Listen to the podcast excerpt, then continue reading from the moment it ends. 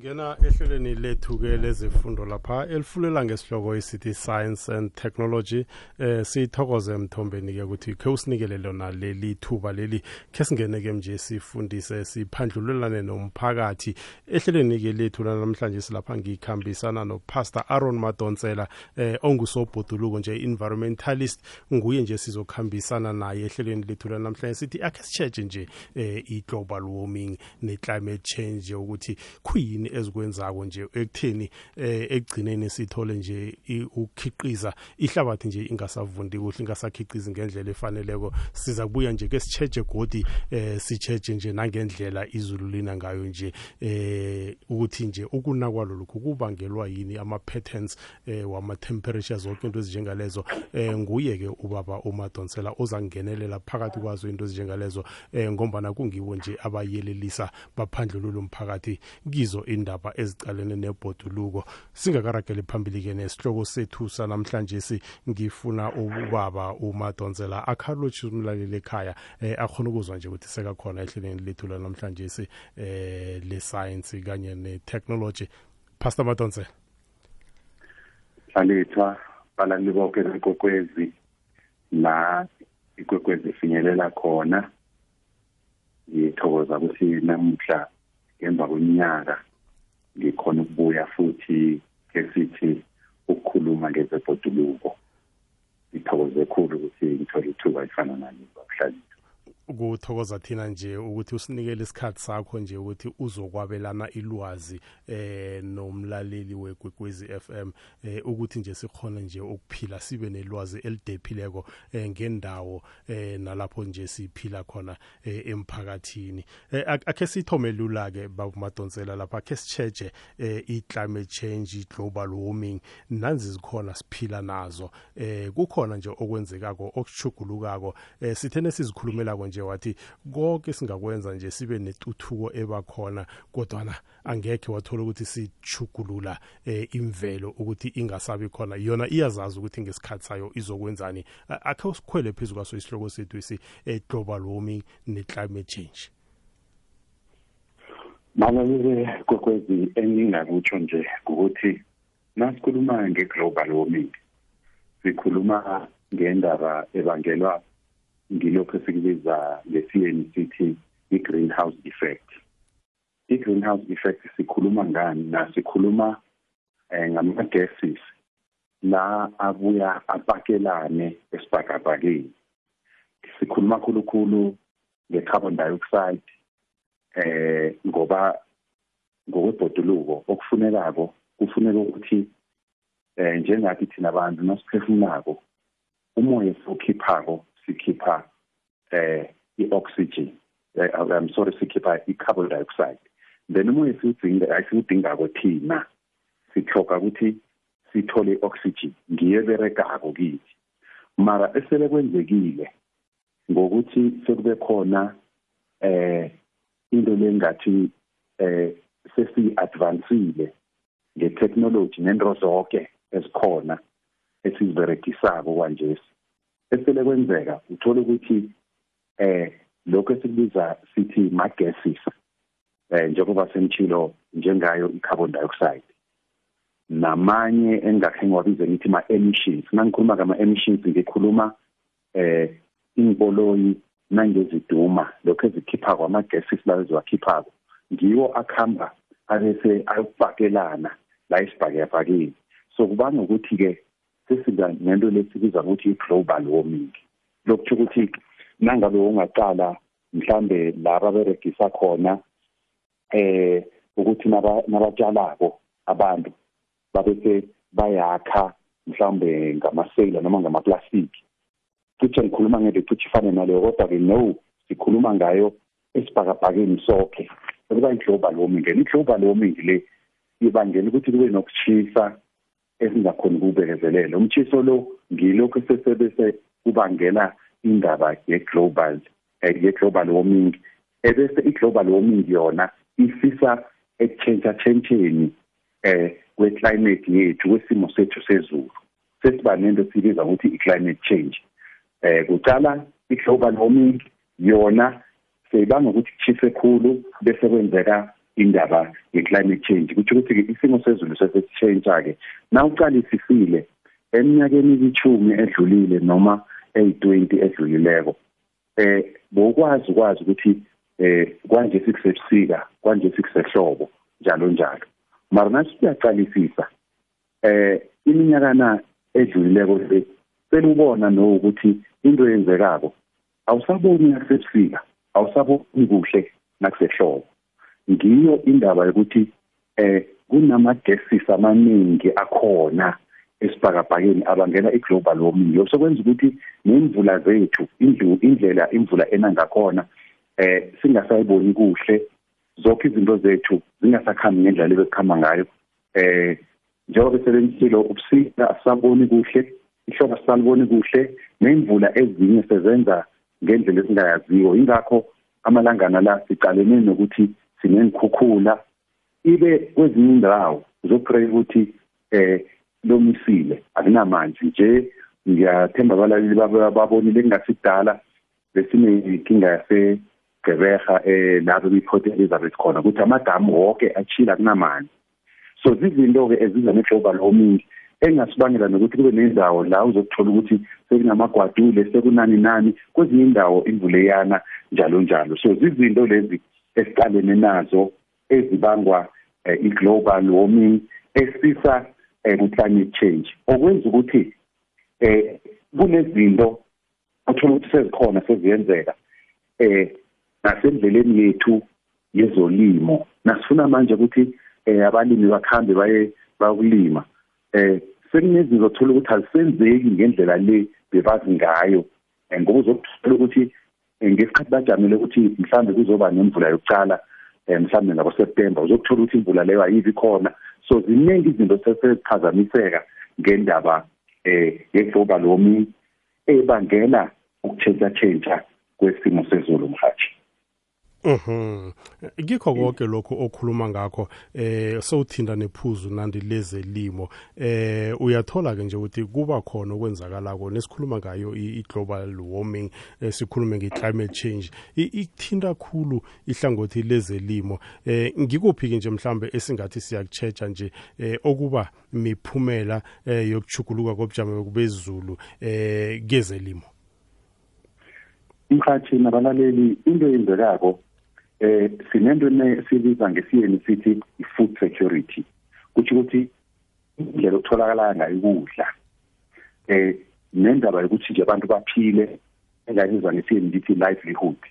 Okwenzekako no uthola ukuthi sekufuna sichange izindlela ebekade sazi ukuthi siberegisa zona noma eyibhoduluko beyisenzela zona. Sekufuna siqale manje sazi ukuthi hayi okunye akusenzeki so sekwenzeka ngenye indlela. Ebengade ngingakuveza ngendaba ye-climate change okwenzekako kwezolimo. Eh uthola ukuthi manje eh sinanakho sikubiza sithi eh kuyehla indlela umhlabathi wethu eh esizokulima kiwo.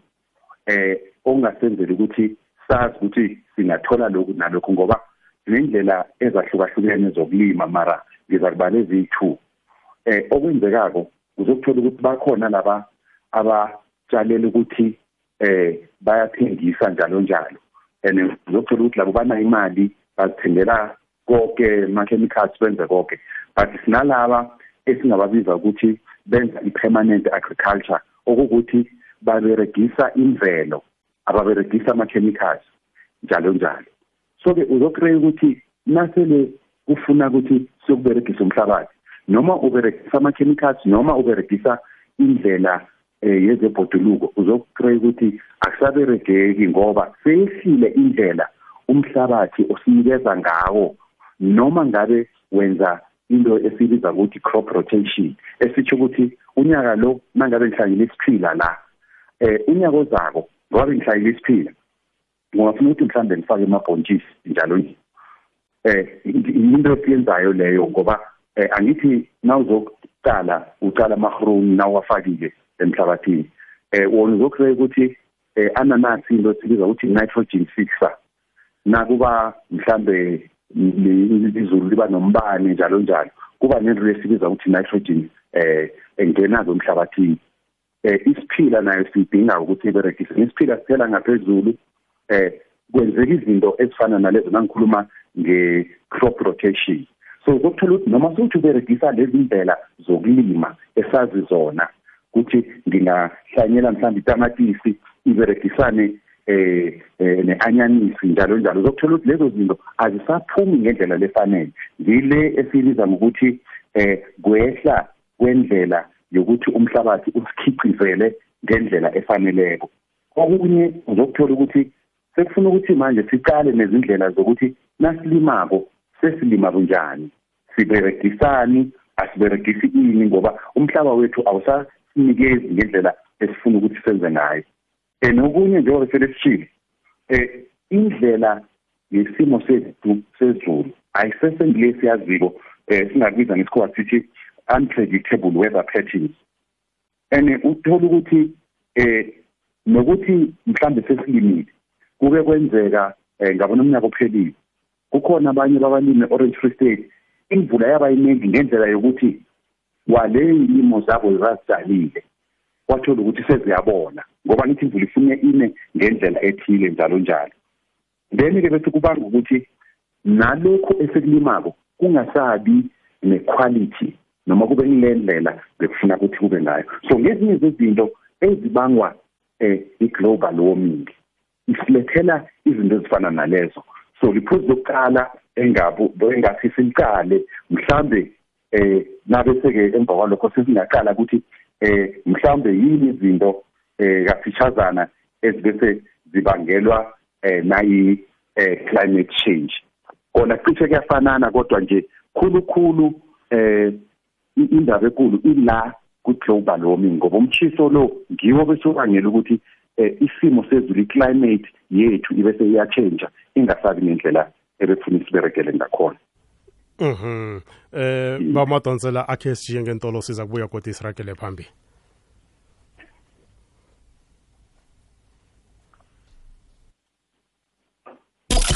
phila njengomuntu osemkhanyweni ngombana mkhanyo oletha ukuphila ngokwehlelo lokuvikeleka kwebhoduluko ukukhandela ukusilaphazeka kwamanzi umoya nendawo kunye nokutshejwa kwenzibi nokubulungeka kwamahlathi kuqakatheke khulu ekwakheni ibhoduluko elinepilo. Yelela ungaqaphela amanzi womphakathi. Phungula ukuthwinisela umoya. Ungalahleli inzibiko ka ungasusi imithi. Hashtag libhoduluko lethu. Usalalele ihlelo lethu le-science ne-technology lapha kukwekwezi FM lapho ngikhambisana khona nobaba u-Aaron Madonsela ongusobhoduluko nguye esikhambisana naye ehleleni lethu lanamhlanje si. Eh bamadonsela asiragele phambili lapha sikhuluma nge-global warming. Akhe usinikele nje mhlambe imbonelo nje ezimbalwa eh eziba eh, ezibangelwa eh i-global warming kezelimo. Eh i-global warming mhathi isibangela ukuthi eh ma temperatures izinga lokuchisa libe ngileli elingabekezeleleki. Eh u ngezesikhona kwakhona uthola ukuthi futhi eh nendlela eh yesimo sezulu esingasibiza sithi weather patterns naso singasasazi ukuthi sibereka kanjani then bese seke sekuhlayela namanzi singasabi nawo ngendlela efanele. Yingakho bengisaba indaba yasegceberha nezinye indawo njalo njalo ngoba sisoke eh eSouth Africa ku country A1 mara uzokubheka ukuthi izinto ngendlela esizibereka ngakhona akusafanani. Sibonile ngaphambi komnyaka ophelile nangomnyaka ophelileko inkhukhula besileke bokwazulu Natal eh sikhuluma nje amalanganyana la zikhona kubompumalanga kubonkomazi endaweni eziningi bo Bushbuck Ridge njalo njalo. Zizinto zonke lezi eziza ne-global warming okubese kusilethela ne nokuthi kuchuguluke isimo sezulu esikubiza ngokuthi i-climate change mhathi ungathini njengekusasa lentshalo nje lapha eSouth Africa lokhana siqalelele khulukhulu yona i-global warming le? Eh izinto ezizokwenzeka eh nasuthi uyaqalisisa ukuthi eh njengoba kuzobe selekuchisa kakhulu njalo njalo.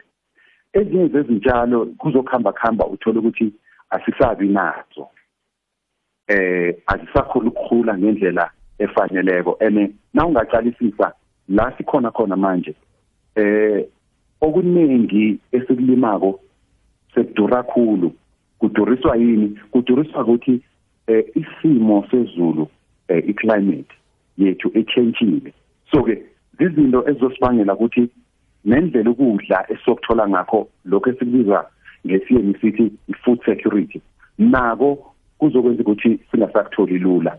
And ke njengoba sengibalile uzokuthola ukuthi konke nasesekufuna sikuthole kuzokudura ngoba nabalimi le ababereka ngakho uzokuthola ukuthi manje sebadinga eh lokho esikubiza sithi ma inputs lezi zinto funa baziberegise eh mhlawumbe ukuthi bakhulise intshalo benzeni njalo njalo. Uzokuthola ukuthi sele nabo kuyabadurela. And ke abasatholi eh, isivuno ngendlela bebasithola ngayo ekuqaleni. Kusibangela konke lokho ukuthi uthola ukuthi indlela eh ezokulima zizogcina sezingakhona. Kuzogcina kubiza kakhulu eh na umlimi ungakeni kuhle eh ngasesikhwameni eh unganamali kuhle uzokreka ukuthi ngeke ukhona ukujamelana nako. Konke kubangelwa yini? Kubangelwa eh, indaba ye global warming esilethela ne climate change mhathi Mhm.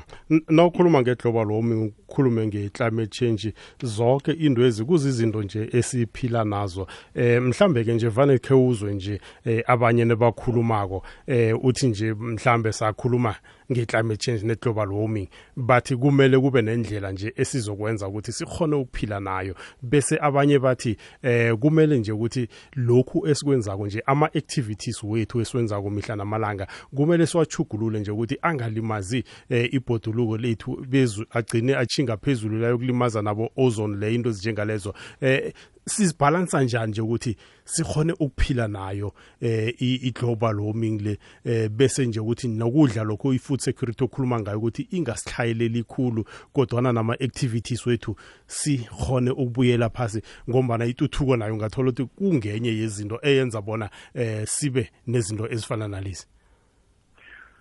Eh ngingathoma ngithi mhathi nabalaleli bekhokwezi akufuna sikwazi eh ituthuko ngeke sibalekele eh vele lokho kufanele kube khona kodwa konke esikwenzako eh ngokwelimi lebhoduluko sikhuluma nge-sustainable development. Okuthi ukuthi eh ituthuko yethu le ebakhona ayibe ngileyo lenokonga phakathi lenokucabangela ukuthi mina nawe thina sonke sikhona manje. Ibhoduluko lesikulo siliboleke kwinzukulwane zethu.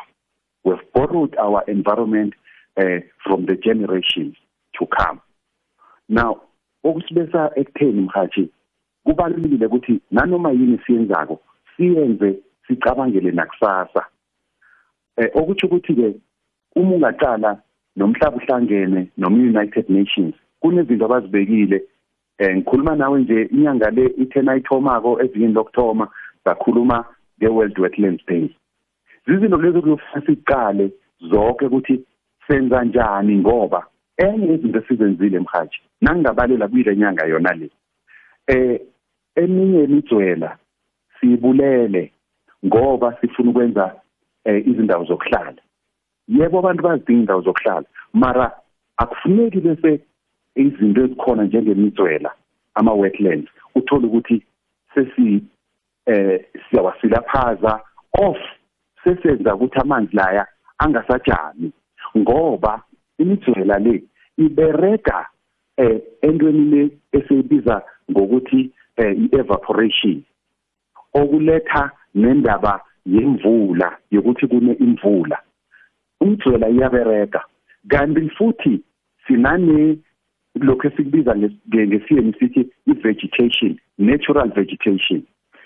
Ngafishanyana nje ngingaveza indaba yokuthi sinale i-vegetation e-indigenous engiyala ekhaya sibe ne-vegetation e-exotic ekungesiya la ekhaya. Thina-ke esiyinorahako sinoraha le yala ekhaya. Ngoba inemberego wenzako ngoba nangingabuyela emuva kafishazana nje ngibala indaba yelitswela kunenilwane ezihlala lapha kunemhlobo yencema emila lapha emdzweleni njalo njalo.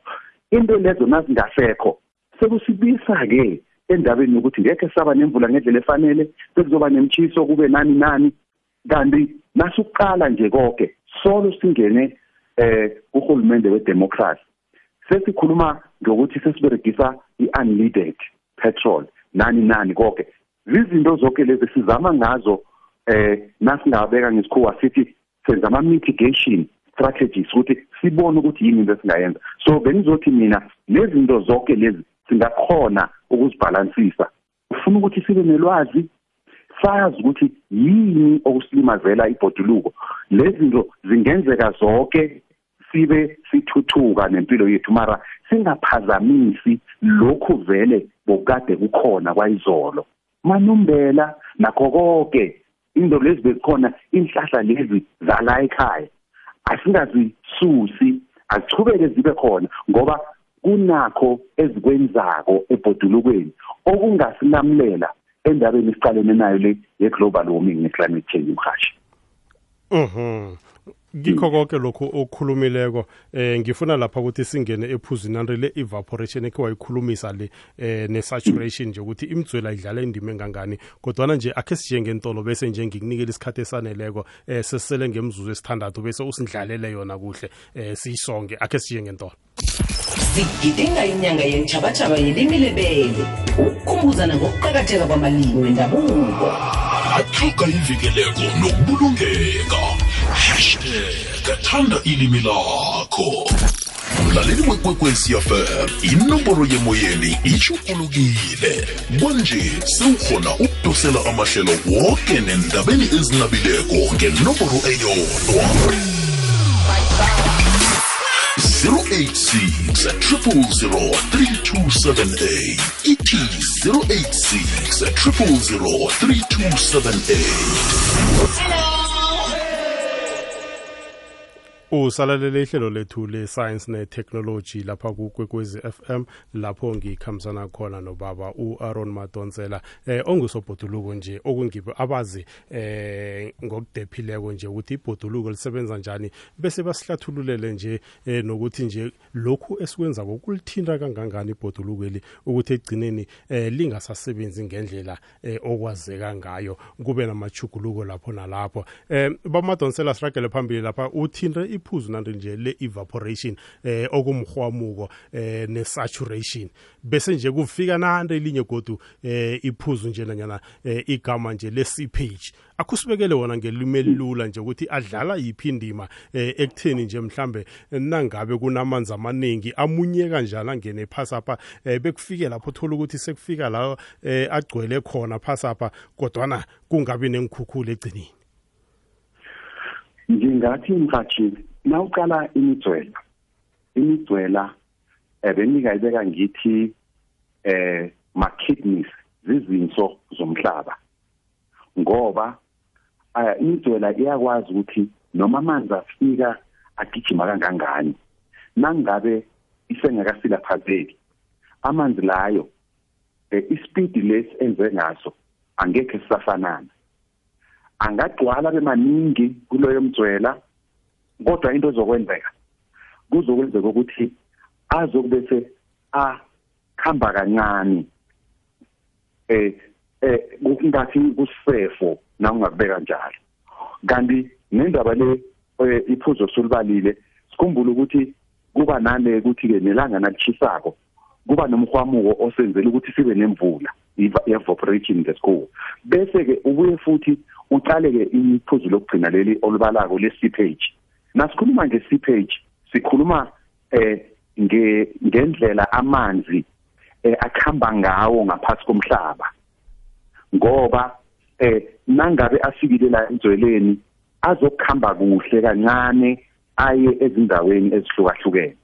Mhlawumbe ngelilanga sakhe sikhulume ngawo ukuthi nangabe sikhuluma eh ngemitswela sikhuluma ngemitswela nje eh asikhulumi ngama wetlands phela indawo ezila kuneyincema khona nani nani mhlambe eh kuphela nezilwane ezihlukahlukene. Sikhuluma nangemifula ngoba nayo solo iyangena. Ene into eseyenzeka amalanga la imifula eminingi sele kumile ama exotics intshalo ezingasizala ekhaya. Eh boranthana nezihlahlanyana ezinye ozithola ukuthi zihlala zikhona bo-water hyacinth nakho kumila la emifuleni eminingi uthole sekuyivalile umfula ungasawuboni. Eh konke okubona kuhlala kuhlaza eh ubusika nehlobo.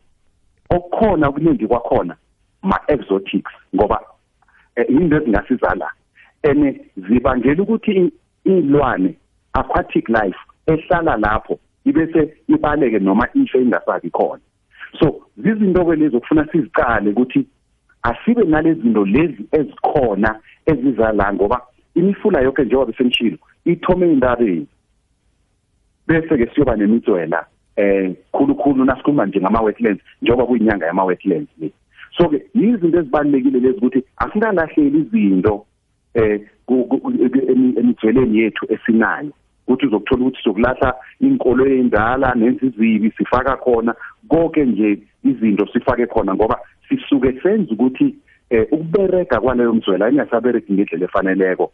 Ngoba amanzi la manzi mamanzi la abesakhamba aye nasemifuleni asihelebhe kusasa. So izinto lezi okungafuna ukuthi siziqale ukuthi noma ngabe senzani asingayichange indlela ibhoduluko lethu lelingakhona mhathi Mhm. Bamadonsela nasesikhathi lapha sesisibetha eh uyazi ngendlela oyihlathulula ngayo nje. Eh ngiba netshisakalo nje ukuthi ba mhlawumbe ubaba nakangaba nesikhathi iveke ezako leli eh siragele phambili naso isihloko sethu esi. Eh ngiba netshisakalo khulukhulu eh ngama indigenous eh, plants nama exotic plants la okhuluma ngawo la. Ukuthi kuba yini kanti lezi ezingasingeze ekhaya ezi eh, zihlala zihlaza? Ungathi ngizwe ezithaba kakhulu ngizwe ezithanda indawo le khulukhulu ukudlula zekhaya ezi kodwana kubuye godi nje ukuthi lokha nethola ukuthi mhlambe eh, sekuba nemimoya ehlukaneko kube ngizo godi eziwabulula. Kanti kwenzekela nokuthi la zihlala zikhona uthola nje ukuthi ziyaninana lokho kungekwekhaya uthola ukuthi eh, kuphila kabuhlungu ekugcineni uthola ukuthi kesinye isikhathi eh kugcina sekufa kungasabi khona. Eh ngiba nje mhlambe nongaba nesikhathi iveke zako ke siragele phambili ngakulelo hlangothi lelo mhlambe siza kufaka ne-ozone depletion le ngoba ukhe wathinta iphuzu lapha ukuthi kunabanye abantu nje uthola ukuthi umuntu uzijayele ukuthi mina ngiyakhamba ngemina pha ngiyakhamba ngiyokuhlawula. Eh kodwa khe kwafika isikhathi la uthola ukuthi batsho abantu nebayokuhlawula emina pha ekugcineni kuchise khulu bekufike lapho uthola ukuthi omunye umuntu kumele aye esibhedlela ngendlela kokuchisa eh i-ozone le eh, ilimele kangako na? Kodwa namhlanje sengifuna nje ukuthi baba umadonsela akhasonge isihloko sethu esinamhlanje mhlambe lokho siza kukhwela phezu kwakho sokuthi ubaba nakanesikhathi. Akunamraro mhathi ame 70 ngikhona ukuzokuberegela isitshaba engingakuyisho-ke mina ukuthi uma ngendaba ye-global warming ne-climate change zizinto lezi thina esingakhona ukuthi eh nangama app abantu abethu laba wenzako njalo njalo zizinto ekuzofuna ukuthi siziqale ukuthi yini esingayenza. Sithi sithuthuka siya phambili. Sustainable development intuthuko yethu ayibe ngile ecabangela nakusasa. Ukuthi into ezesinazo kukhona basishiyele zona. Nathi asingabi nomona asingabi nehope senza ukuthi konke sikuberegisako thina sifuna ukuthi kungasali litho ngoba sizokuhlayela ngamanzi njengoba selekuthomile nangezinye izinto.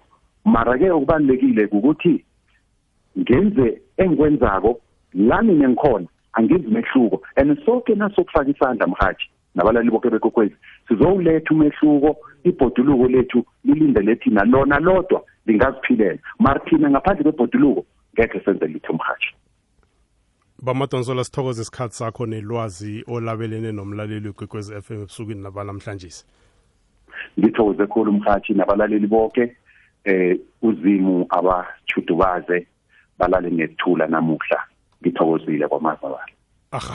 Loyo beyongubaba u-aron madonsela eh, ongusobhoduluko. Nguye nje bekasihlathulela kabanzi nje ukuthi ibhoduluko kanti kuhle kuhle lisebenza njani eh, nokuthi nje konke lokhu esikubonako kwenzakala nje ungathi sekuyahluka nangendlela esijayele ngakho kubangelwa yini kusukela kuphi eh sithokoze nje isikhathi sakhe. Asilibeke lapha ke ihlelo lethu la namhlanje sile science ne technology ngithi mina nawe ke mlalela sibuye kodwa sihlangane kilo leli hlelo ngolosithathu weveke elandelako. Lapho ke sizabe si siragela phambili naso isihloko sethu sanamhlanje khe sitsheje nje iy'ntshalo ezingaphandle ezinentshalo zekhaya phakathi kanti zihluka kuphi? Ziphilisana njani? Nokanamhlanje akube mumusa.